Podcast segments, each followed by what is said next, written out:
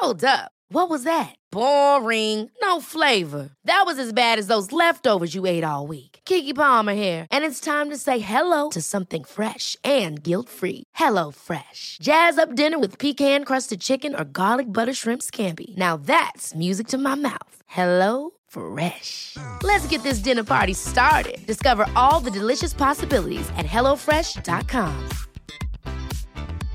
Cool fact a crocodile can't stick out its tongue. Also, you can get health insurance for a month or just under a year in some states. United Healthcare short term insurance plans, underwritten by Golden Rule Insurance Company, offer flexible, budget friendly coverage for you. Learn more at uh1.com. There's never been a faster or easier way to start your weight loss journey than with PlushCare. PlushCare accepts most insurance plans and gives you online access to board-certified physicians who can prescribe FDA-approved weight loss medications like Wigovi and Zepbound for those who qualify. Take charge of your health and speak with a board-certified physician about a weight loss plan that's right for you. Get started today at plushcare.com slash weight loss. That's plushcare.com slash weight loss. plushcare.com slash weight loss. I fire lange år forsøkte Mary og kjæresten å bli gravide uten hell. Etter fire aborter og tap av en tvilling turte Mary knapt å tro på at graviditet nummer fem skulle resultere i et levende født barn. Og i tillegg til en rekke koronarestriksjoner preget denne frykten fødselen hennes i stor grad. I dag har Mary to små barn, tette i alder. Hvordan har det seg, og hvordan blir fødsel nummer to når utgangspunktet var så annerledes?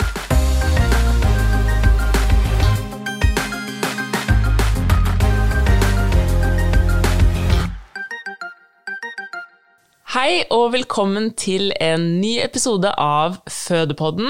Silje og jeg, Elise, vi er på plass som vanlig med dagens gjest. Velkommen hit, Meri. Hei, takk. Det er så hyggelig å ha deg her. Tusen takk. Eh, og kanskje litt ekstra hyggelig for meg, fordi vi har jo en litt lignende historie. Du mm. hadde jo heller ikke en helt sånn problemfri vei til det å bli mamma. Nei. Eh, Så vi skal jo høre en del om eh, dette i dag, selvfølgelig. Eh, Skal vi spole liksom helt tilbake til hvor denne reisen startet, da? Ja, vi kan det. Mm. Um, kanskje ikke helt til liksom barnetanker om skal jeg bli mamma en dag oppsto, men uh, jeg fikk jo ganske tidlig, i hvert fall sånn gjennomsnittssammenheng, da, vite at jeg kanskje kom til å ha litt utfordringer med å bli gravid. Jeg trodde du skulle nå snakke om jeg fikk tidlig mensen da jeg Ja, da- var elleve. Vi starter der, ja. Starter på barne barneskolen, da. Jeg er glad i å prate, da, så det kunne skjedd. Men, eh, Nei. nei, men eh, så mm, Men hvorfor fikk du vite det? Fordi jeg har endometriose. Ja. Um, og det hadde, det, det, det hadde jeg egentlig visst ganske lenge før jeg ble diagnostisert, da. Ja. Og endometriose er jo da, for de som ikke vet det, eh, at livmorvev, altså det vevet som vanligvis vokser på innsiden av livmoren, det vokser også utenfor mm. livmoren, da. Eh, Som kan skape mye smerter hos kvinnen, og også arrvev og sammenvekster og sånn, som kan gjøre det vanskelig å bli gravid, da. Ja, Ja. så, og altså, jeg kunne kryssa på alle symptomene Ja. um, for endometriose og adenomyose, da. Oi, Så- både og. Ja. Det er det ganske, altså ikke mange, det er ganske vanlig å ha begge deler. Så um, ja, jeg ble operert en stund etter at vi hadde startet litt å prøve, og da jo, hadde vi jo snakket om det.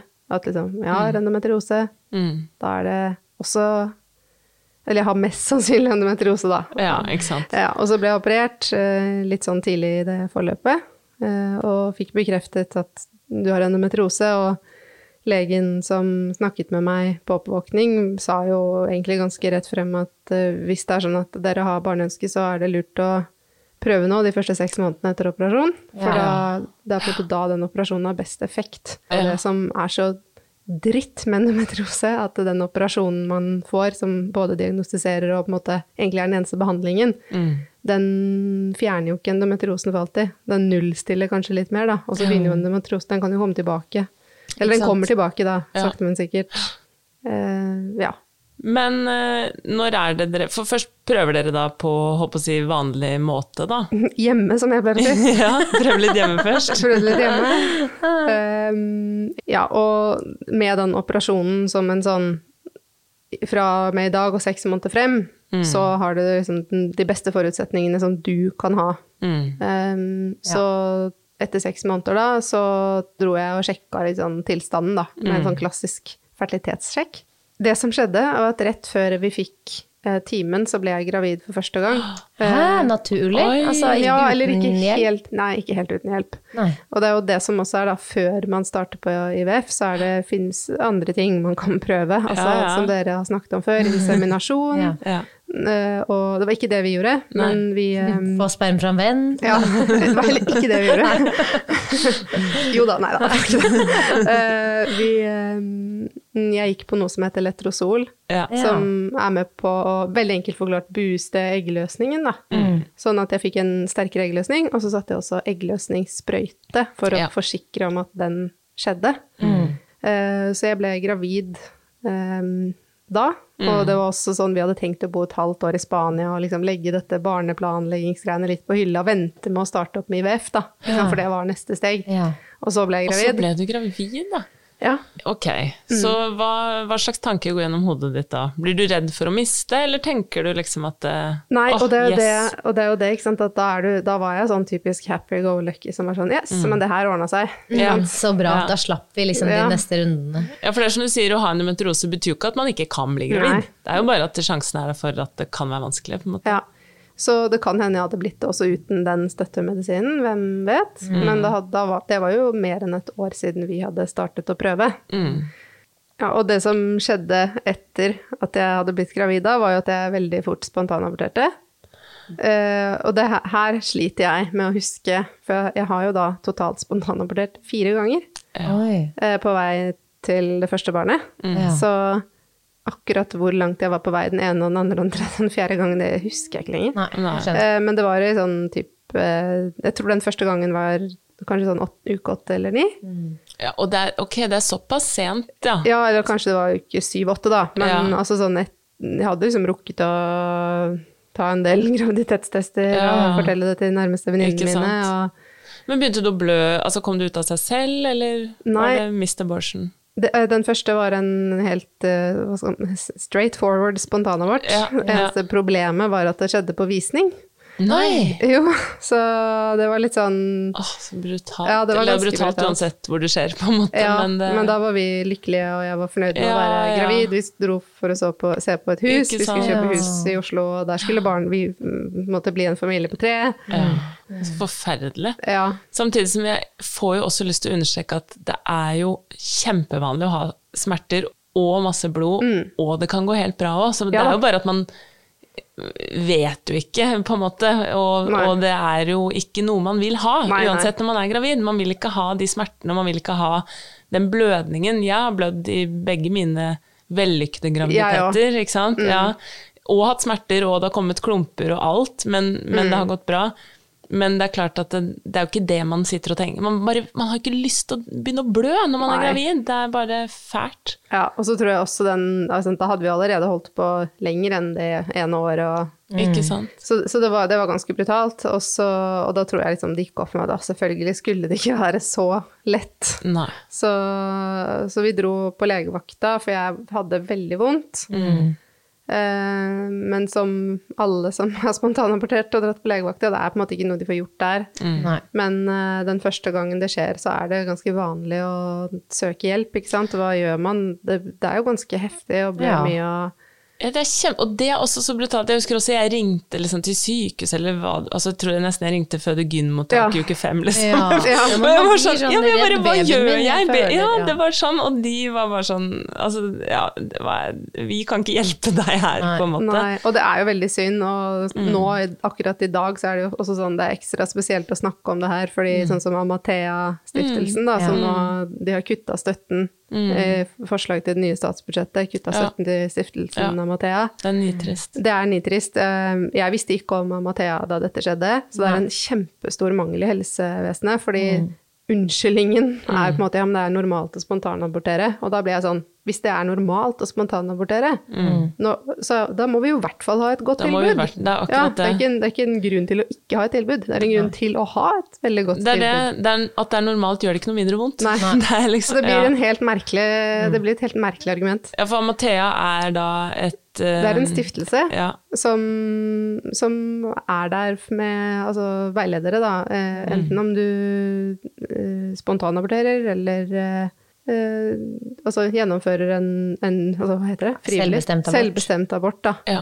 Eh, begge deler er jo potensielt psykisk eh, krevende. Ja. Og så er det også av og til at du, du rett og slett bare trenger noen å snakke med. ikke sant? Skal du, skal du ikke? Det er en stor beslutning hvis, du, hvis det er selvbestemt abort. Ja, Så da, men da hadde dere plutselig blitt gravid på egen hånd? eller Eh, med litt hjelp. Med litt hjelp. Med litt hjelp. Ja.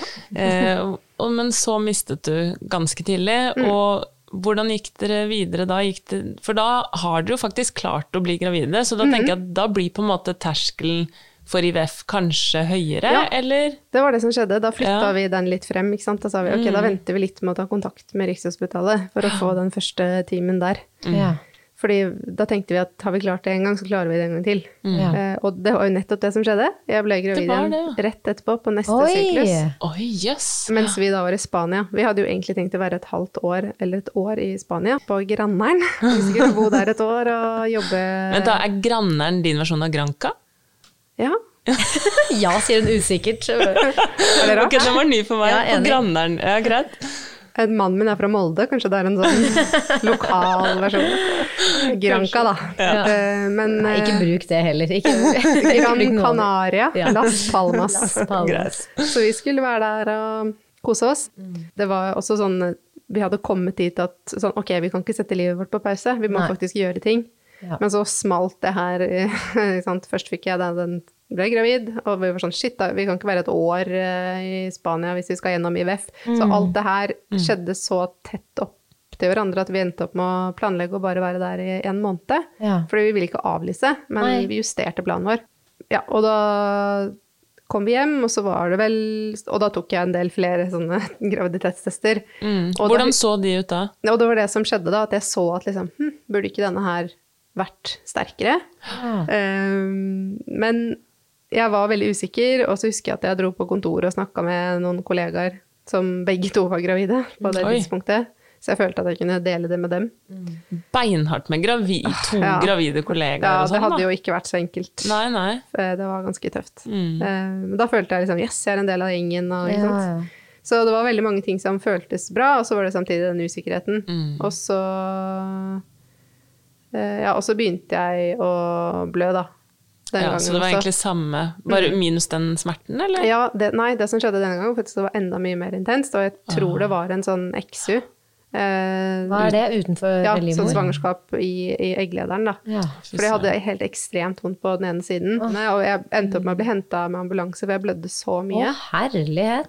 Men de kunne ikke se om det var en XU? Eh, Da jeg kom ned på Ullevål, så blødde jeg fortsatt veldig mye. Men, Og da tok de en ultralyd og sånn ganske kjapt for å sjekke, og da sa de bare at det ser ut som det har sittet her. For det var jo ganske, det var tidligere enn sist. Ja.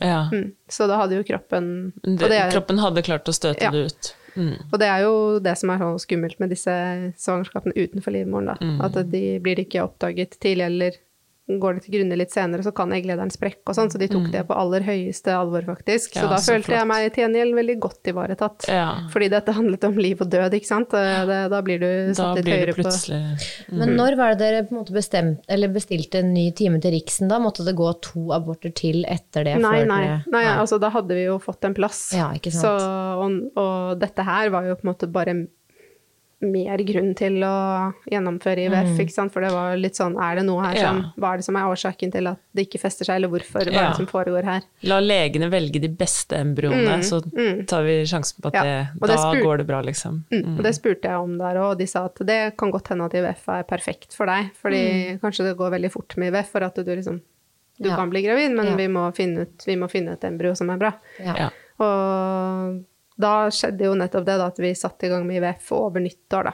Denne andre spontanaborten var vel sånn i desember, Ja. rundt juletid. eller ja, rundt så veldig kort etter det egentlig, så er dere i gang. Mm. Blir du gravid da med IVF? Yep. Du blir det, Ja, ja? da, bare, og det høres Ja. ut som sånn woho, gravid for tredje gang, men det er det jo ikke. ikke sant? Da var det sånn Klarte ikke å glede meg Nei. I det hele tatt. Og vi hadde ikke fått masse egg, og det er jo mange som snakker om sånn hvor mange egg fikk du ut, ikke sant, Mm. når man driver med stimulering av eggstokkene sine. Eh, så fikk vi ut eh, Jeg tror vi fikk ut tolv egg, som høres veldig bra ut. Det, det har jeg hørt er det, det optimale antallet, det kan du faktisk. si. Ikke for få, ikke for mange. Ikke, nei, men åtte til tolv er visst det beste, ja, da. ja, ja. Men eh, vi fikk jo tolv, og rett etterpå så kom de inn til meg og sa at ja, det var bare seks av de som var modne. Og det var sånn ok. Og så var, Mm. Halvparten, ja. ja. halvparten. Og så var det halvparten av de igjen som ble befrukta. ja. Og på den dagen jeg skulle sette inn, så var det ett som var klart til å sette inn, og så var det vel ett som havna i fryseren, da, den første runden. ja. Så jeg kjente jo sånn shit, har vi vært gjennom alt det her for så lite? Mm. Um, men for mange så kan det være nok, ikke sant? Så, Ja, og mange opplever jo ikke å ha noe å sette inn i det hele Ja, tatt. ja, Ikke sant? ja, Så det er jo det er, altså det er, det, Det er ja, Du har alle variantene. Ja. Og så har du jo oss som fikk Vi fikk vel åtte på frys første gangen, Ja. ikke sant, og jublet. Ja. Og så tok det ikke lang tid før jeg skjønte sånn Å ja, vi må sette inn alle de embryoene før vi får noe nytt uttak. Ja.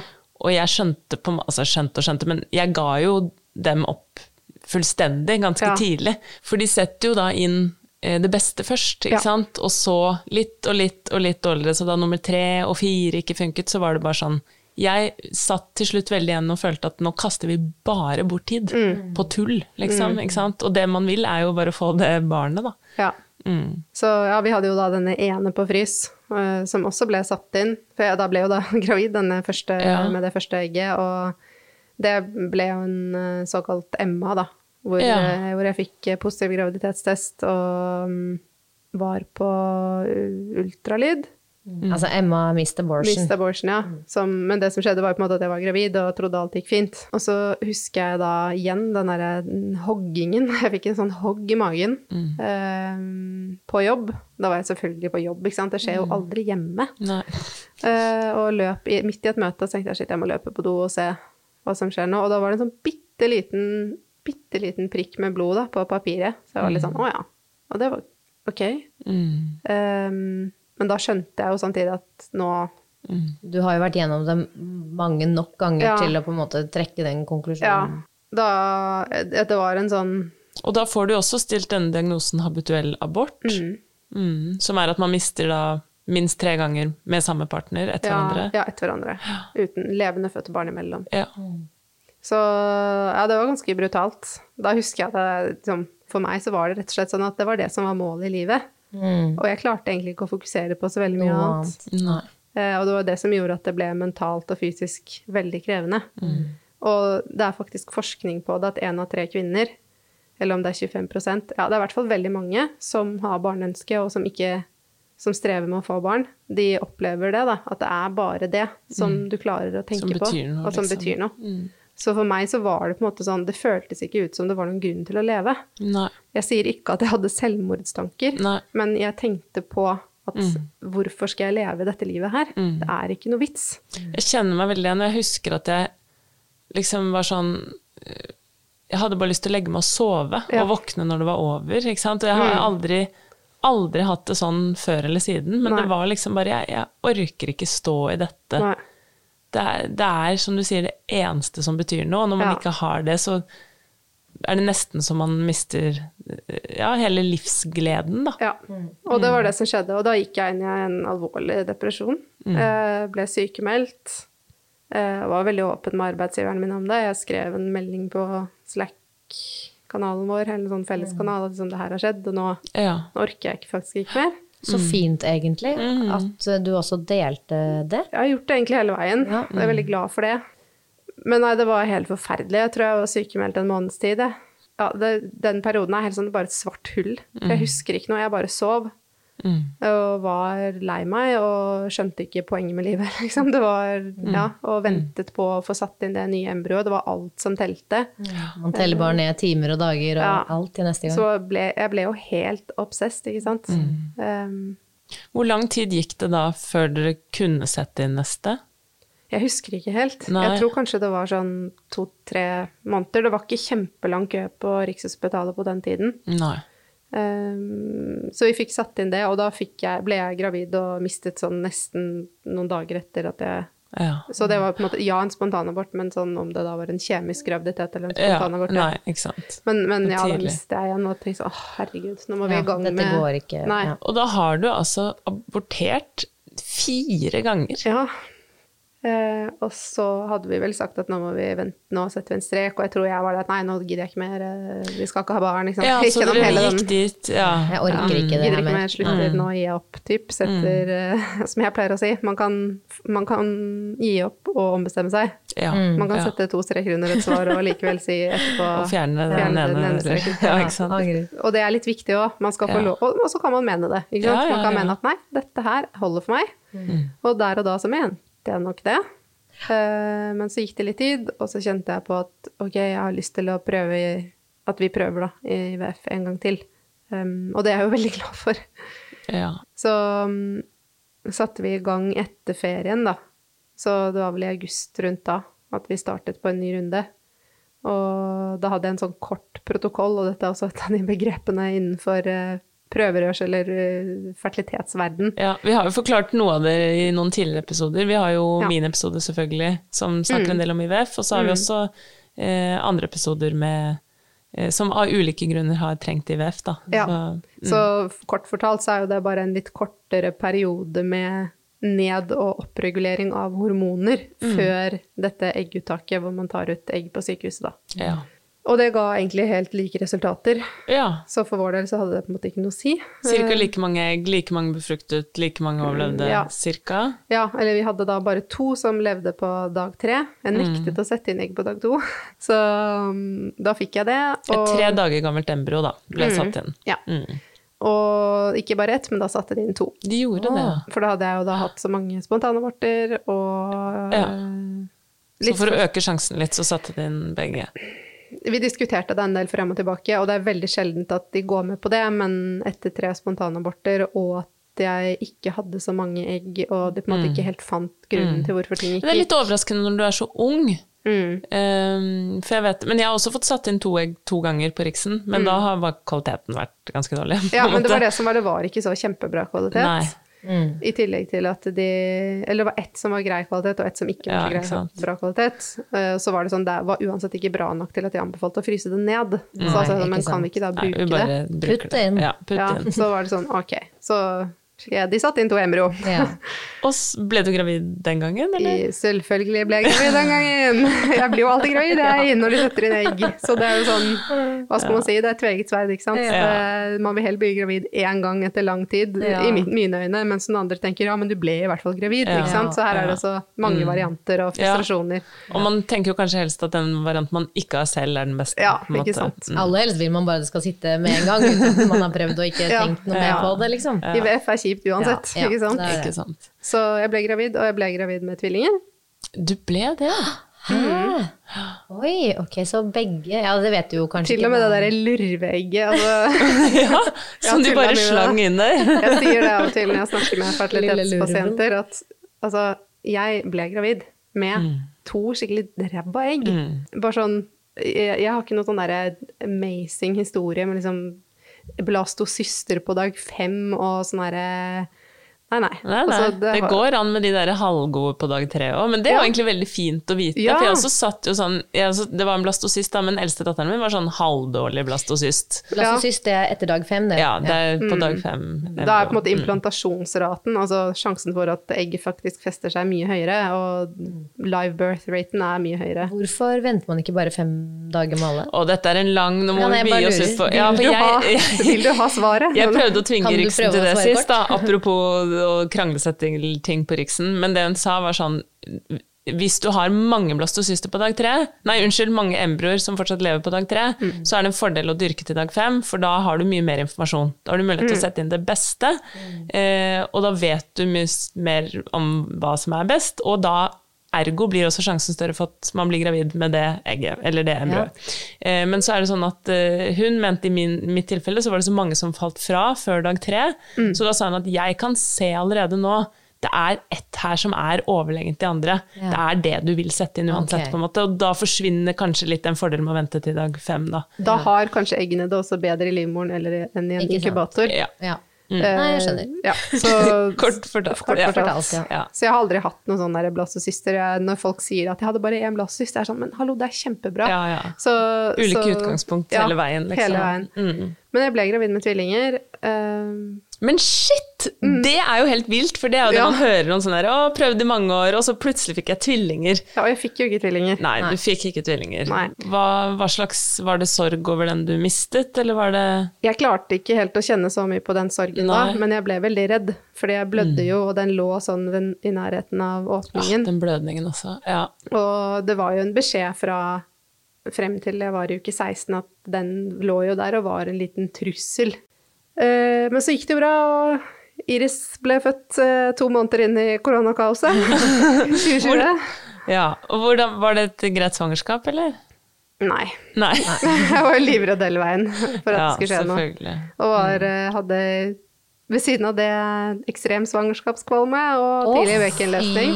Fy søren. Det er brutalt, det. Det er brutalt, men jeg kjente i hvert fall veldig på symptomene, da, som alle som har vært gjennom Ja. det her, veldig gjerne vil kjenne på. Ja. Det ble litt bedre for rundt uke 28, og så Det er bare altfor lenge. Det er lenge, ass.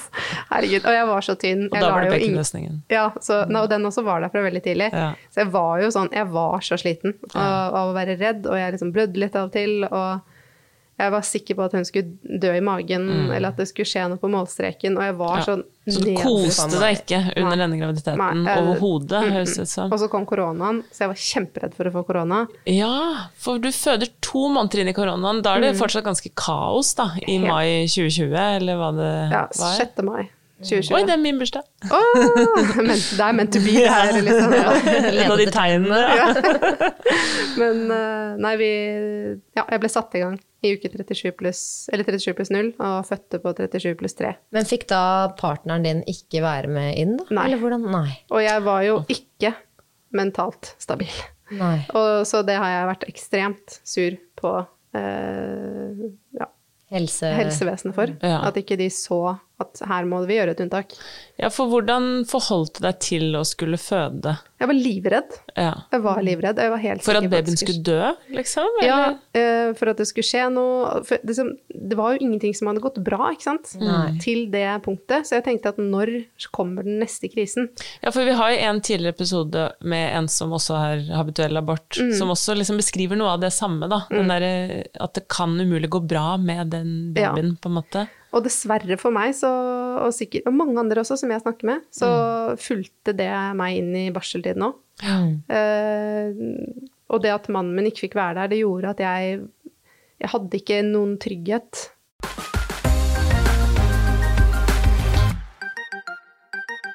Så du sa at du ble satt i gang på 37 pluss 0, som liksom Mm. er det tidligste Det er da man regner med at eh, svangerskapet er fullbyrdet, liksom. Mm. Ja. Eh, Så hvorfor ble du satt i gang? Det var en kombinasjon av faktorer. Det var eh, egentlig en sånn total Meri, du er så sliten. Ja. Og som legen sa til meg, du er så sliten nå at jeg tror det er best for både deg og den babyen at dette Ja. svangerskapet kan være ferdig. Og da husker jeg liksom bare åh. Jeg liksom, Takk for ja, at du jeg ser husker det. at jeg, liksom satt, at jeg ble helt sånn slapp i kroppen. For jeg Ja. kjente at endelig En enorm skal jeg få slappe av. Ja. Endelig skal jeg få liksom sove. Jeg fikk med meg noe sånn sove... Ikke sovemedisin, men en eller annen sånn derre Beroligende. beroligende Ja. hjem, sånn at jeg skulle få sove litt de siste nettene før fødsel. Det er gøy at man tenker 'endelig skal jeg få Ja, jeg sove' når man skal det. få en liten baby. Men jeg hadde da litt ikke om den heftige Jeg hadde ikke, graviditeten. ja, jeg hadde ikke sovet altså, på tre uker, for Ah, at jeg var livredd. Så, så for meg så var det sånn endelig Mm. får jeg, får jeg være ferdig med å være gravid. Og det høres jo helt sykt ut, Mm. men det var en sånn Det høres ikke sykt ut å tenke 'endelig bare være ferdig med å være Nei, gravid'. nei, sant, sant, sant. Men sånn, Veldig relatable ja, men sånn jeg, Når man, noen sier sånn i uke 30 Ja, at å, jeg er så lei av å være gravid, så er det sånn du, er, du skal være heldig at du fortsatt er gravid. Ja, Ja. Du er heldig som altså, som er gravid. Ja, som er gravid. ja da. Så, så det var litt Men sånn likevel. Ja. Mm. jeg, jeg kjente veldig på at nå var det på tide å få, få babyen ut, og på en Ja. måte se henne Mm. på utsiden av magen. Um, Så da kommer du dit uh, etter du har fått lov til å sove litt, Ja. regner jeg da med. ja. Uh, og du kommer dit uten mannen din. Eller han er kanskje med, og så må Mm. Han dere sa si ha farvel til meg ved inngangen. Ja, Ja. ikke sant. Og så begynner de å sette ballong og alt sånt først, og du nevnte jo at det gikk tre dager eller noe sånt før hun var ute. Ja. Mm. Tre døgn nesten. Ja. Så igjen så tenker jeg jo sånn at hadde det vært normale omstendigheter, så ville noen plukket opp at jeg ikke hadde det bra. Ja. Jeg tror jeg, jeg sa det, men jeg turte ikke å være så tydelig som jeg kanskje burde vært, da. Nei, så det var før rien og alt sånn at du var redd? Det handlet Ja, ja. ikke om Nei, nemlig. Ja, du Men- var bare alene og redd for alt, på en måte. Ja, redd for alt. Redd for Ja. blod, redd for smerte, redd for ja, ja. at det skulle bare Noe skulle skje. Ja, sånn både irrasjonell og rasjonell frykt, da. Ja, jeg skjønner. Mm. Og så på et eller annet tidspunkt så responderer kroppen din på disse medisinene, da, eller? Ja, jeg trengte ikke så mye av det da jeg fikk satt en sånn ballong Mhm. for å komme i gang. Eller eh, altså, de satte en ballong, og så datt den ut på kortere tid enn det de syns er normalt, da. Ja. Og så fikk jeg en halv sånn her modningstablett, jeg husker ikke hva de heter, Angusta, kan det Nei, jeg aner ikke. Jeg har ikke Jeg blitt satt tror i de heter men- Angusta. Ja. Jeg er litt usikker. Men eh, jeg fikk en halv sånn en, og fra da så gikk det ganske Altså ikke fort, men ikke sånn kjempesakte heller for å være Nei. en første fødsel. Det skjedde noe, liksom. Det skjedde ting, og jeg hadde rier, og til slutt så gikk vel den ene Det er jo sånn to sånne hinner rundt Ja. barnet, så den ene gikk. Og da ble jeg flyttet over på fødestue. Og da fikk mannen Da være fikk mannen min endelig komme, Ja. da. If you're looking for plump lips that last, you need to know about Juvederm lip fillers. With Juvederm Volbella XC and Juvederm Ultra XC, your lip look, whether it's subtle or bold, can last up to one full year with optimal treatment and no additional maintenance. Find a licensed specialist and see if it's right for you at juvederm.com today. That's J U V E D E R M.com. Add fullness to lips in adults over 21 with Juvederm Volbella XC or Juvederm Ultra XC. Do not use if you have severe allergies or a history of severe allergic reactions, or if you're allergic to lidocaine or the proteins used in Juvederm. Tell your doctor if you have a history of scarring or taking medicines that decrease the body's immune response or that can prolong bleeding. Common side effects include injection site redness, swelling, pain, tenderness, firmness, lumps, bumps, bruising, discoloration, or itching. As with all fillers, there's a rare risk of unintentional injection into a blood vessel, which can cause vision abnormalities, blindness, stroke, temporary scabs, or scarring. For full important safety information, visit juvederm.com. Ever catch yourself eating the same flavorless dinner three days in a row? Dreaming of something better? Well, HelloFresh is your guilt-free dream come true, baby. It's me, Kiki Palmer. Let's wake up those taste buds with hot, juicy pecan-crusted chicken or garlic butter shrimp scampi. Mm. Hello Fresh. Stop dreaming of all the delicious possibilities and dig in at HelloFresh.com. Let's get this dinner party started.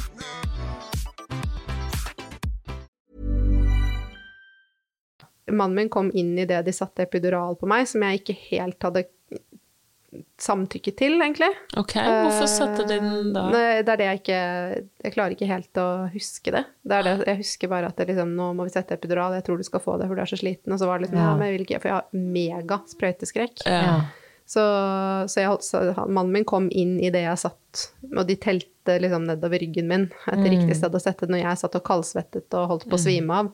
Og han skjønte med en gang hvor sinnssykt jævlig jeg hadde det. Så han liksom, Ja. jeg husker han liksom løp rundt senga og bare tok oh. tak i skuldrene mine og sa sånn Meri, det her går bra. Jeg er her. Ja. Ja. Og det, det er sånn, sånn flashback til det Jeg er fortsatt sånn Jeg kan våkne av det. Uh, fra mareritt, nesten. Sånn mm.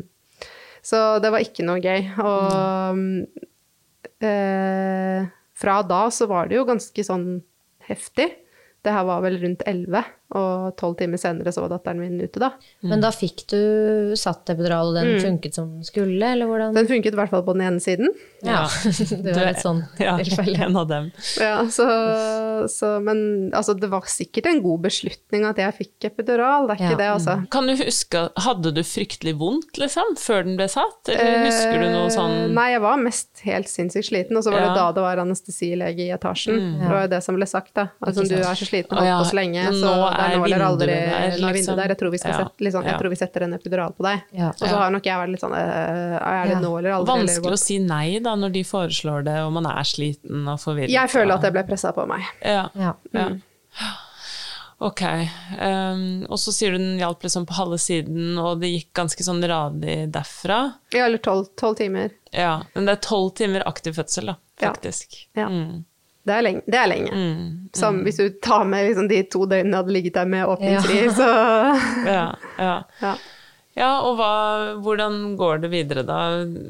Får du kontroll over riene og sånn? Nei, jeg fikk er det- stormrier, så det var av og på med drypp og sånne Ah. her, eh, sette bremserier. Mm. Eh, datteren min hadde sånn altfor høy puls, og, så hun var stressa, så jeg måtte drive og bytte stillinger, og plutselig var det liksom fire Det var tre jordmødre og to leger der inne, og meg og mannen min, og Oi. alle med munnbind, og de sto og hvisket og tisket. Og, ja, ja, det var helt jævlig. Jeg følte ikke at jeg hadde oversikt. Og jeg sa jeg må få vite hva dere snakker om, for jeg er veldig redd, og jeg har Ja. Ja, hvordan tok de imot det, da? Eh, de Nei, eh, det, det gikk ikke så bra, da. Det var litt dårlig kommunikasjon på den fødestuen, og det ble jo noen vaktskifter inni der, og Altså, du hadde ikke en jordmor du liksom stolte og kunne støtte deg på oppi dette heller? På måte. Nei, for det ble jo vaktskifte, og de var, de var veldig Mm. fine, de jordmødrene. Jeg er veldig fornøyd med jordmødrene jeg hadde under fødsel, men det var på en måte totalbildet som ble veldig kaotisk. Ja, Ja. ikke sant. Eh, Flere bestanddeler som bare ikke Ja, og så måtte de ta sånn blodprøve av hodet på datteren min. mm, Noen syretest Ja, fordi at hun var så stressa. Så, det, så var det litt sånn hvisking og tisking om mulig hastekeisersnitt hvis det Ja. ikke hvis datten, ikke sant. Og så skal man sitte der og liksom få med seg litt, men ikke helt, så man skal bli litt redd. Og så skal man ja, la tankespinnene sette Og i gang. jeg Det som er da ikke- var ekstremt redd for at hun skulle Ja, det er det. Mm. Det er bedre nesten å høre det høyt da, Ja. liksom ta meg inn i diskusjonen. Ja, Jeg si dette er ikke farlig, liksom, men vi vurderer sånn og sånn. Ja, Ja. det er Ja, det klart. Men jeg jeg klarte ikke å For meg så var det en sånn beskjed om at uh, dette, dette er liksom ikke perfekte verdier. Oversatt til min hjerne på det tidspunktet. Ja. Dødsfarlig. Ja, Ja, ja, Dette går ikke. Ja, Ja. For jeg var ikke Jeg var jo helt i høygir. Mm. Hadde du skrevet et eh, fødebrev eller noe sånt? Hvor du Nei, jeg hadde ikke gjort det. Og det var også fordi at eh, Og det kan mange stemme, hvorfor gjorde du ikke det? Men det var også fordi at dette her var så fjernt for meg, Ja. at jeg faktisk skulle føde et barn. For meg var det sånn, det kommer jo ikke til å skje. Det kommer, til å, det kommer til å skje noe for det. Altså Ja. sånn. Ja, ja, Det var, ja. så, så, ja, så det var en veldig ekstrem situasjon. Så du hadde egentlig ikke forholdt deg til at det skulle Nei. komme noe fødsel, nesten? Altså Nei. bare sånn, ja. Men de blir stressa for babyen. Ja. du da, har du full åpning og sånn? Er det liksom pressefase Eh, da, eller? Ja, det her var litt før pressfasen. Ja. Og så i selve pressfasen også, så det tok for lang tid. Eller sånn, de sa til slutt at det var vel gått én time og ti minutter, og det er vel én time ja, det som er bikket den timen Ja. som egentlig er grensen for pressing. Ja. Ja. Og da husker jeg at de sa sånn, hvis hun ikke kommer på neste nå, så da, da, da, må, da blir det keisersnitt. Ja, ja, de sant, snakket om keisersnitt, ja. og ikke om sugekopp, eller Var hun så langt opp, da, eller? Jeg vet ikke. Men de, det som skjedde da, det var at liksom nå Og da, da husker jeg De sa sånn, vi må klippe nå, Ja. det, i den pressen her. Ja. For da, da har vi troa på at hun kommer. Ja. Eh, og da rakk ikke den lokalbedøvelsen å virke. Nei. For det skjedde så fort. Ja, de måtte bare ha henne ut, Ja. så de kunne ikke vente på den, liksom? Nei. Eller den hadde i hvert fall ikke funket. Så det, det er også sånn som har satt seg da etterpå, da, som en Ja, For du kjente, Du kjente det at ja, ordentlig? Ja. Det er, Yes. pleier man jo aldri å Nei, nei, det det er første gang jeg har hørt. Ja. Det, så, og, men der var det, det var ekstremt kaotisk akkurat da. Ja. Uh, og i hvert fall jeg ble klippet, og jeg husker jeg bare skreik til, og mannen min bare hva Ja, for hvordan håndterer mannen din dette? Blir han redd for deg, for barnet, for Ja, da tror jeg han Ikke for å være slem, men jeg Nei. husker ikke helt hvordan han så ut. Nei, nei, men dere har kanskje pratet om det i etterkant, eller sånn? Eller? Vi har prata litt om det, men, og han bare jeg, tåler, 'Jeg tror ikke jeg tåler blod så veldig godt', altså. Oh, så for han så var nok ikke kjempedigg å, å oppleve dette her som tilskuer. Um. Det skal jeg Ja, ja, ja. Så han, han har jo Jeg husker han sa etterpå at han holdt på å svime av, og så var jeg sånn Ja, stakkars deg. ja, ikke sant. Ikke Men jeg skjønner jo det, da. Hvis han, mm.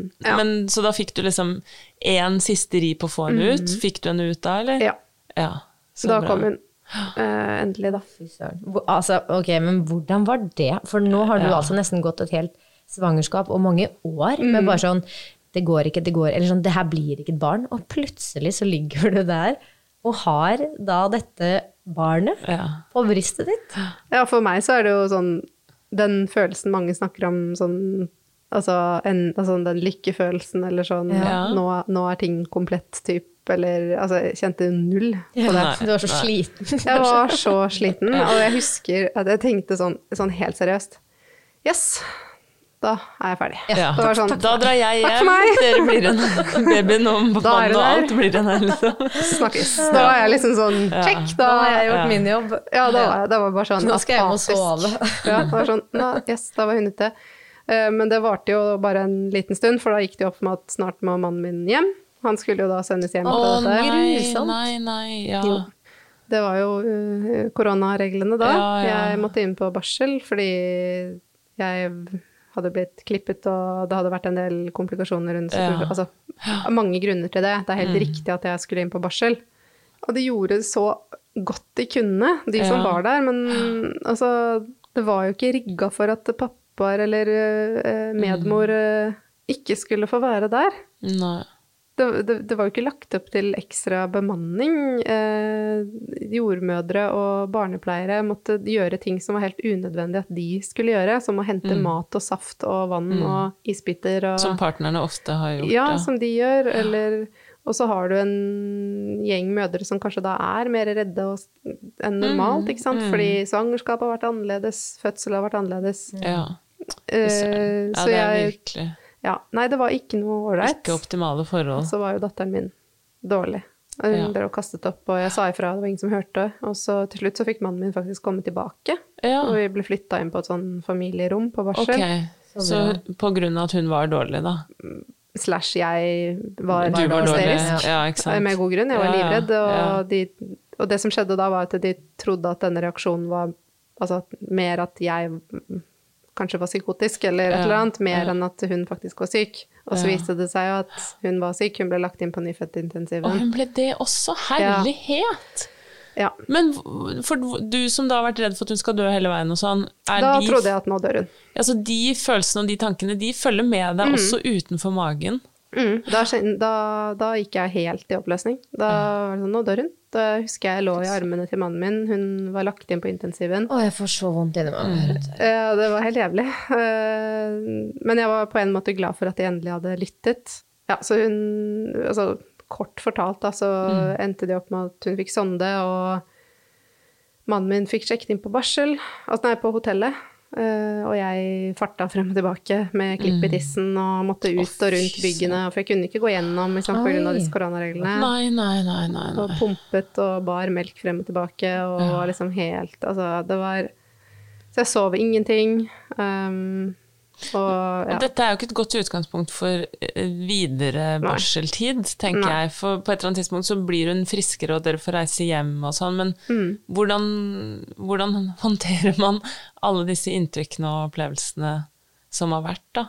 Nei, det var en veldig tung barseltid. Mm. Vi hadde, jeg hadde det ikke lett. Nei. Det var veldig, veldig tungt. Og alt som hadde skjedd både før og under og altså etter svangerskapet, etter fødselen, farget jo den barseltiden. Og så nevnte du i stad for oss også at eh, hun fikk kolikk. Ja, så denne gulpegreia hennes, da, eller at hun drev og kastet opp, det var jo en, en eller annen greie der. Ja. Så hun hadde problemer med refluks eller Mm, sånn. mm. Ja. Å, fy Så søren. hun Det var veldig synd på henne. Hun Ja. hadde vondt Ja. og gråt veldig mye da. Så, og for Nei, noen som som var så sliten fra før, så var jo ikke det en sånn Nei, magisk fy oppskrift. Ja, hvor lenge varte den kolikken, da? For de pleier jo å gi seg etter ja, Pike etter seks måneder. uker eller noe sånt, Ja. og gi seg etter en tre? Nei, det var jo det vi håpet, ikke sant. At Mm. det, etter tre måneder, da blir det bra. Ja, ja. Men eh, så ble det jo ikke bra da, og så ble det heller ikke bra fire måneder. Og det ble, begynte først å bedre seg etter et halvt år, lite Å, grann. herlighet! Og så rundt åtte måneder så opplevde opplevde det vi det. går jo ikke an. Jo. Og da er det gråting hver dag? Nesten hver dag i åtte Mm, måneder? Gråting slash misnøye, da. 90% av Nei, det går jo ikke an. Nei, det var Det er et helt svangerskap på andre siden der òg, med gråting. Med gråting og umulig å bruke vogn, og hun måtte bæres Det var det eneste som funket, da. Bæresele. Ja, må være tett på hele tiden. Ja. Men altså, Mary, jeg, jeg vet jo nå når du sitter her, at du har to barn. Ja. Hvordan på en måte Hvordan bestemte Hva skjedde? Ja, hva skjedde? Er det beste spørsmålet. Eh, dere vet den samtalen man har hos fastlegen? Ja, Seksukerskontrollen? og så tar de opp prevensjon. Ja. Ja. Det gjorde min, men med sånn he-he, det trenger jo ikke vi å snakke om. så det, jeg Du litt kan jo ikke ja. Nei, ja, nei, men vi har, det, vi har en, En god tone. god Ja. Ja, det er bra. Digger fastlegen min. Ja. Så Shout-out til deg. Har shout-out til han nå, faktisk. Jeg har ikke byttet han selv om jeg har flytta til andre siden av byen, for jeg er så glad i han. Um, nei, eh, det ble ikke noe prevensjon på meg, uh, for jeg kunne jo ikke bli gravid, eh, tenkte jeg. Og Ja, ja. det kunne jeg, tydeligvis. Så, for da fant vi ut, uh, uten at vi helt skjønner Vi vet, skjønner jo hvordan det har skjedd. Ja. Det ikke- det har vi lært. Men uh, jeg vet jo også godt når jeg har eggløsning og når jeg ikke har eggløsning, og man blir jo ekspert på det. ja, ja. Når man prøver å bli gravid over så lang tid. Og du unngikk den ganske aktivt. Mm. Det er jo helt sykt! Ja. Men hvor gammel var datteren deres da? Eh, hun var eh, Jeg fant ut at jeg var gravid en, skal vi si, en måned etter at hun hadde hun blitt et år en gang. Da. Nei! Rett når kolikken har gitt seg, liksom. Ja, er litt Ah. Nå klarer jeg ikke å regne her. Men, Men, og dette barnet mister dere ikke? Nei, dette nei. blir et barn? ja, Et eh, levende og det er også sånn jeg kom hjem og liksom, ja, jeg må ta en graviditetstest liksom, bare før vi drar på sommerferie, bare sånn for å være helt sikker på at da, For det, det hadde jo ikke slått meg. Jeg trodde jeg var utbrent, da. Ja, ja, Eh, ja. sånn Det er ikke en så rar tanke, det heller, Nei, nei, nei. det repertoaret der. Nei, for jeg var sånn, jeg tålte liksom, Da hadde jeg jo dessverre drukket noen glass vin, og liksom tålte ikke dem i det hele tatt. Og hva, hva er det som skjer? Ja. Eh, Så noen uker etter det, da, så tok jeg da en graviditetstest, og den ble jo Det ble jo to streker før den traff tisset, liksom, så jeg Hvor langt var du på vei da? Eh, Nei, da sånn åtte uker eller Ja. Oi! ja, Så da var det sånn Det var jo en ekstrem frihetsfølelse, og bare sånn Oi! Jeg fikk spole hit, liksom. Ja, Ja, jeg fikk ja. spole hit. Det Ja, var ble, akkurat det jeg følte. ble du da glad? Nei, nei, nei. Mannen min lo da jeg sa at eh, han kom hjem bare sånn By the way, jeg har fått en positiv graviditetstest. Han bare sånn Det var liksom sånn veldig rar reaksjon. Ja, hvordan forholder man seg til det? Ja, men jeg liksom bare ja, enig, ass. Det var akkurat sånn Ja, reagerte òg, liksom. Så um, Nei, vi, vi Vi ble jo fort enige om at liksom, fy søren, vi er heldige. Ja. Og hvis dette går, så da, da er det velkomment. Ja, eh, og som jeg, jeg har sagt før, når noen har spurt hvordan var det, og den beste på en måte, forklaringen da, som jeg føler at jeg kan gi, eller for, altså, Mm, der? Ordlegget, liksom. det er eh, at det er den største kontrasten i livet mitt. Ja. Eh, den første veien til, altså veien til å bli gravid med nummer én, og hvordan jeg ble gravid med Ja. nummer to. Det er helt Det er- motsatt. Det er helt Ja, så jeg er så heldig da, at jeg har fått oppleve hvordan det er for veldig mange andre å bli gravid, og bare oppleve at det går bra. Ja, samtidig jeg unner deg jo det man aller helst ønsker, er jo den å faktisk planlegge, har lyst til å bli gravid, og så sitter den raskt. Ja, Ja, det kan For det er jo ikke ikke kjempegøy for alle å få det kastende over seg når man absolutt ikke Nei, nei. tenker at man skal bli gravid Nei, heller, men på en måte. vi, vi, vi så- visste jo at vi ville ha to barn. Ja, dere gjorde det, ja. Vi var nok ikke klare for det eh, med tanke på det som hadde skjedd. Nei, og man tar heller den enn den andre varianten, selvfølgelig. Ja. Men, men begge deler er jo på en måte Men for meg da, så var dette her veldig sånn Ja. kjærkomment. Ja, så fordi at jeg opplevde det som en sånn, eh, sånn Nå skal dere få oppleve den normale måten å ha det, være gravid på. Ja. Ja. for gikk du inn i det da med litt sånn optimisme, eller Ja. ja Jeg med tanke hadde på fødsel og alt, blir blir jeg jo nysgjerrig på, da. Nei, jeg hadde ekstrem fødselsangst. Ja, hadde, det hadde jeg. grunn av På grunn av fødselen. Men utenom det så opplevde jeg, og, og det var også så rart, at jeg opplevde en veldig sånn ro i svangerskapet rundt oh, selve Deilig altså, å høre. Helt annerledes, da. Ja, jeg var veldig sikker på at det kom til å gå bra, og jeg skjønner på en måte ikke hvor jeg fikk de Nei. følelsene fra. Um, men det sier jo litt, og det er også så viktig å ta med seg, at når noen har opplevd veldig mye vondt og vanskelig og spontanaborter og ditten og datten, Mm. så er det ikke så rart at man går det neste svangerskapet i møte med stor frykt. Mm. Fordi vi er jo sammenskrudd sånn nå, at vi, vi tar med oss erfaringer, altså vi lærer ting, og så må vi på en måte avlære dem igjen. Ja. Eh, og det var jo det jeg hadde lært, da, at det kan gå bra. Mm. Ja. Det var min siste erfaring. ja. Det hadde gått bra. Eh, datteren vår var ett år, en superhappy unge, ferdig med den gråtingen. Og Ja. vi hadde det bare så utrolig fint som en liten familie.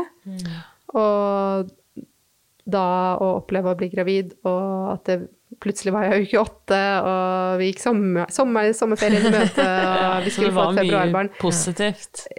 Altså, ja, og så Ja. ble jeg litt kvalm, som jeg nevnte i stad, før vi begynte å spille inn. Jeg ble kvalm dette svangerskapet også, og fikk ja. bekkenløsning, og det var mye sånne ting. Men altså sånn, det er innenfor normal Hodet var et helt annet sted, høres det ut som. sted, ja. Ja. Men så du gikk til uke åtte uten å bli sånn sånn der jeg dør, eh, kvalm Ja, det smalt liksom til, det smalt til i ferien, da. Ja. Midt i sommerferien. Så jeg, Tusen takk. jeg på hytta til foreldrene mine og klarte ingenting. Jeg bare lå i en seng og helt sånn her. Oh. Og så ble høsten et eh, Jeg måtte ringe sånn første dagen tilbake på jobb og bare Jeg er sykemeldt. Jeg, jeg Ja, ligger nei, Dette går ikke. Jeg klarte ikke å stå. Jeg var så dårlig. Ja.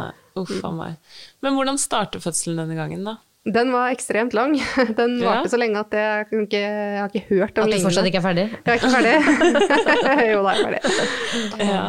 Nei, jeg, jeg øh, fikk øh, Jeg trodde fødselen var i gang sånn i uke 38 pluss 2, og da hadde jeg også fått lov til å bli satt i gang tidligere. Og det her er også en sånn Jeg er så stolt av meg selv Ja. for at jeg kom til uke 37, kom på den kontrollen for å snakke om igangsetting Ja. av sterk fødselsangst, Ja. Og sa nei, vet du hva, jeg klarer å gå litt til. Ja, fy søren. For da Da- hadde du blitt fulgt opp for fødselsangst Ja. ganske sånn tett i svangerskapet, da. Ja. Ja. Eh, og, hadde, og, så, og, og kom dit og sa liksom Nei, eh, det, jeg klarer å gå en stund til. ja. Og så gikk det ca. en uke, og da begynte jeg, fikk jeg rier midt på natta og tenkte sånn Fuck, nå skal jeg føde. Ja. Ringte foreldrene mine, eller moren min og stefaren min, og de kom midt på natta. Og, ja. Barnevaktene. ja, og, og så det neste som skjer, er at jeg våkner på morgenen og bare Her skjer det ingenting. Jeg har ikke født! jeg er jo gravid, hva skjer? Åh. Så da hadde det stoppet opp, og det skjedde da flere netter på rad at jeg fikk sånn Det midt på natta. de falske alarmene gang nummer to, Ja. altså. Det er en sånn, det er en greie. Ja, det er en greie. Eh, og så var jeg på kontroll eh, på helsestasjonen dag tre med dette her, og da hadde jeg to og en halv eller nesten tre centimeter åpning. Ja. Så hadde jo skjedd en del ting. Da. Ja, ja. Og hun var sånn 'du føder i helga, ikke send mora di hjem'. Okay. Det var liksom beskjeden fra jordmora, jeg bare Ja. ok. Ja. Og så strippa hun meg, før hun spurte om hun skulle gjøre det, sånn at hun kunne liksom kicke det litt. Og jeg bare yes, kjør på, nå, nå skal jeg føde. jeg. Jeg var så klar og liksom selv, selvsikker og liksom tenkte det her det skal gå så litt bra. sånn ut. Ja. Så strippa hun meg, og så hadde jeg en del rier, og så stoppa det helt opp igjen. Jeg bare helvete! Så hele helga så var mamma der, og mannen min og bare Jeg sånn, du skal dra hjem. Og hun bare nei, jeg drar ikke hjem. Og så bare men det skjer sikkert ingenting. Så det var en sånn merkelig limbo. Ja. Det var er når folk spør, for jeg skulle også ha med meg mange på fødselen denne gangen, og så, der, så spurte liksom folk sånn men tror du det skjer i helgen? Tror, skal jeg drikke det glasset med vin? Det er bare sånn, jeg vet, jeg kan ikke svare på det! Jeg vet vet ikke hva Nei, nei. Ja, men tror du det skjer noe? Nei, jeg, pass, Aner ikke. altså. Ja. Ja, pass. Ja, nei, så det, det som skjedde, var at jeg kom på Ullevål da den søndagen, tror jeg. Søndag ettermiddag. Mm. Så dro vi på Ullevål, for da skulle de ehm, eh, sette meg i gang, sette inn en ballong hvis det ikke hadde skjedd Ja. mer. Og det var det de gjorde da. da for da sa jeg at Ja. nå, nå tror jeg at jeg begynner å Jeg er redd for å liksom gå inn i den ja. angsten. Nå er jeg litt på en sånn selvsikker Ja, high, ja, så så bare vi- kjør på nå, liksom. Ja. Det gir jo mening. Så da, da, var vi, da, da ble vi enige om det, da. Mm. Da hadde vi på en måte en plan, og Mm. det gikk veldig bra. Sånn totalt. Og da reagerte kroppen din greit på det, eller? Mm. Ja, ja, den ballongen den datt ut igjen nesten med en gang, og jeg sov på Ullevål på Obs-posten, faktisk. Frivillig. Mannen min Ja. eh, sov hos foreldra foreldrene mine, um, som bor rett i nærheten av Ullevål. Mm. Kom ned på morgenen, og vi ble flytta på en fødestue og var der. Og så kom gutten vår eh, litt over midnatt. 22.02.22. Men igjen så spoler du liksom over selve fødselen her, da. Så oh, ja, ja. jeg blir Og så jo gikk det igjen- så kom han da da. Ja. Men hvordan var dette, da? Ble det Ja, hvordan Fikk du rier med en gang av, de, av ballongene og sånt? Ja, da skjedde ting egentlig ganske mye av seg selv. Ja. Um, jeg Du fikk ikke noe halv pille denne Jo, gangen? jeg tror jeg fikk en Jo. halv sånn pille, for det stoppa plutselig opp på sånn seks centimeter eller noe. ja. Ja. Men epidural og sånn denne gangen, da? Ja, og da ville jeg sette epidural, for da kjente jeg jo selv at eh, Jeg har kanskje behov for det. Ja, og da er sånn ok, skal dette strekke ut i det lange og breie, og Ja. jeg hadde såpass vondt allerede. Mye, mye vondere fødsel enn fødsel nummer én, faktisk. Ja, Var det fordi det gikk eh, lenger da, kanskje, før du fikk epidural, eller Nei, kanskje ikke det? Nei. Jeg er litt usikker, altså. Men jeg, jeg opplevde i hvert fall smertene både før og etter nekter og pressing. Alt Ja. var Men kanskje også fordi jeg var mer til stede Kanskje. Ja, mentalt. Det var den tanken som slo meg nå, at du, var ikke så redd første gang at du var så inni deg selv, at du nesten ikke liksom klarte er å forholde deg si. til Det er på en vanskelig å si, men det er en teori jeg har Ja, om dette her selv, da. At, Ja. eh, at den, eh, den fødselen her Jeg hadde hatt veldig mye fødselsangst, men så klarte jeg på en måte å takle den Mm. av god oppfølging både av eh, jordmor på helsestasjon og Ullevål oh, i forkant. Så. Ja. så tror jeg at jeg var såpass godt rusta at jeg på en måte taklet det bra. Og så hadde Mm. jeg noen episoder under fødselen hvor jeg ble kjemperedd. Og Ja. jeg hadde skrevet fødebrev, snakket med dem på forhånd Ja, og hadde veldig mange sånne verktøy, da. Ja. Mm. Og pressingen, ble det også en sånn lang affære denne gangen? Nei, eller? det ble det ikke. Nei, den gikk raskt. Der jeg hadde veldig lyst til å presse, og så sa de nei, du må ikke presse. Og så skrek jeg til mannen min at jeg, vil ikke dette her lenger, jeg nekter. Og du vet, ja, hele den regla der. Ja. Eh, og så kom det inn en litt, eh, hun som var sånn vaktjordmor, eller hva det heter, overjordmor. Ja. Ja, i hvert fall hun kom inn og bare 'Å, er du andregangsfødende?' Ja, bare kjør på, press vei! og så fikk jeg lov å presse, og da skjønte jeg at å ja, jeg var klar til Ja. å presse, for da, bare, da, Da kom man på kanskje- Jeg husker ikke, tre, fire, Oi. tre, ja, jeg er så misunnelig på de fire, der. fire Jeg vet ikke hvor mange press, men sånn, da kom han, liksom. Ja. Det, når jeg etterpå skjønte at Eller sånn, etterpå skjønte jeg at å ja, det der var pressedrøm. Ja, ja. Da liksom de, Det var det vondeste, syns jeg, før jeg fikk lov til å begynne å presse han ut. Ja, ja, ja. For at da holdt jeg igjen så oh, Jeg er tenker det. på som så lenge, det var sikkert ikke så lenge, Nei, nei. men det føltes En evighet. Sykt lenge. ja, ja. Og så fikk jeg lov å presse, og da var det så forløsende, liksom. Å bare få lov å trøkke han ut. Og Mm. da husker jeg mannen min også etterpå bare sånn Fy fader, du er helt gæren, liksom. Da, da var det bare sånn Han skal ut nå, liksom. Så Oh, men en helt annen opplevelse høres ut som en første gang, da. Mm. Ja, ja, ja. Så fint. Hvordan, hvordan ble tiden etterpå? Ble det ny kolikk? Nei. Nytt kolikkbarn, masse Nei. skriking og sånn, eller ble Gud. det absolutt Jeg ble glad på dine vegne. Nei, han, han var jævlig sur på hotellet, og jeg tenkte sånn Vi har jo klart Here det før. again. Here we go. Da var det litt sånn ja, ja. ja. Eh, men det viste Det er sånne barn jeg får. Ja, for sånn Ja. Nei da. Det var jo um, Han eh, var ganske sur eh, de første to døgnene, sånn Tenkte så Men ja, det, så sov han. Og så sov han i seks uker. Ja. Eh, og var eh, veldig grei å ha med å gjøre, og la på seg rekordfart, og alt var bra. Og jeg gikk i 8. mars-tog eh, noen uker etter fødsel, og Åh, så deilig.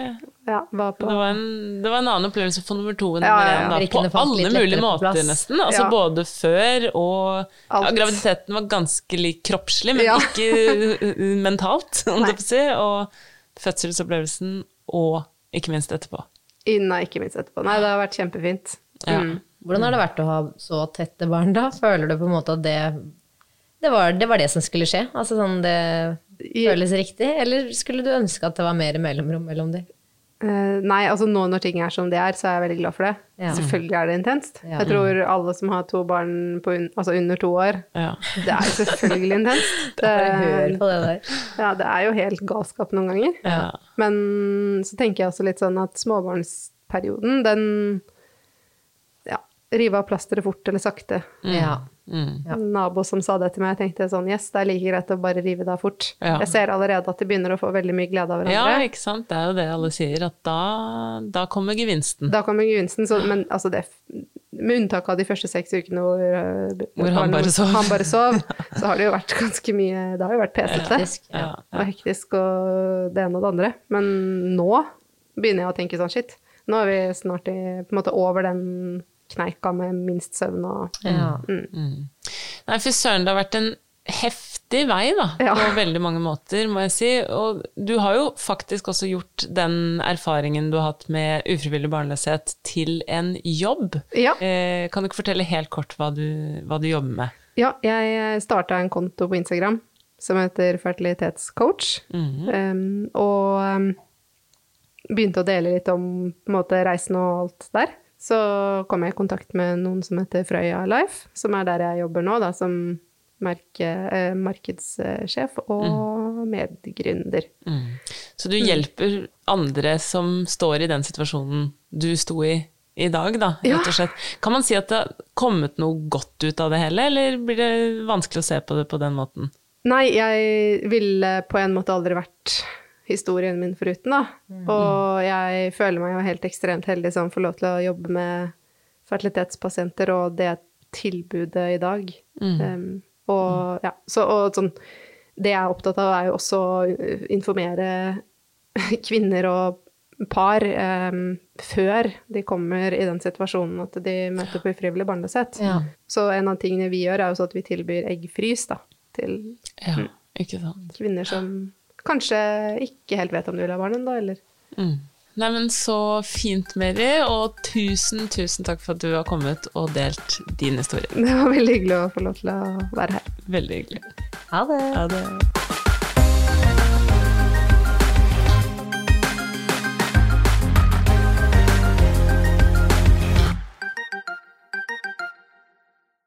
Hallo, alle sammen. Jeg vil bare minne om at dere kan komme i kontakt med oss på Instagram, hvor vi heter at Fodepodden. Der legger vi ut så mange kule bilder og filmer av gjestene våre. Og i tillegg så kan dere nå komme i kontakt med meg på at kvinnehelse.psykolog, hvor kvinnehelse og psykologi møtes i en skjønn og evidensbasert forening. Stikk innom, da vel! Ever catch yourself eating the same flavorless dinner three days in a row? Dreaming of something better? Well, HelloFresh is your guilt-free dream come true, baby. It's me, Kiki Palmer. Let's wake up those taste buds with hot, juicy pecan-crusted chicken or garlic butter shrimp scampi. Mm. Hello Fresh. Stop dreaming of all the delicious possibilities and dig in at HelloFresh.com. Let's get this dinner party started. Imagine the softest sheets you've ever felt. Now imagine them getting even softer over time. That's what you'll feel with Bowl and Branch's organic cotton sheets. In a recent customer survey, 96% replied that Bowl and Branch sheets get softer with every wash. Start getting your best night's sleep in these sheets that get softer and softer for years to come. Try their sheets with a 30-night guarantee. Plus, get 15% off your first order at bowlandbranch.com. Code BUTTERY. Exclusions apply. See site for details. Hi, I'm Daniel, founder of Pretty Litter. Cats and cat owners deserve better than any old-fashioned litter. That's why I teamed up with scientists and veterinarians to create Pretty Litter. Its innovative crystal formula has superior odor control and weighs up to 80% less than clay litter. Pretty Litter even monitors health by changing colors to help detect early signs of potential illness. It's the world's smartest kitty litter. Go to prettylitter.com and use code ACAST for 20% off your first order and a free cat toy. Terms and conditions apply. See site for details.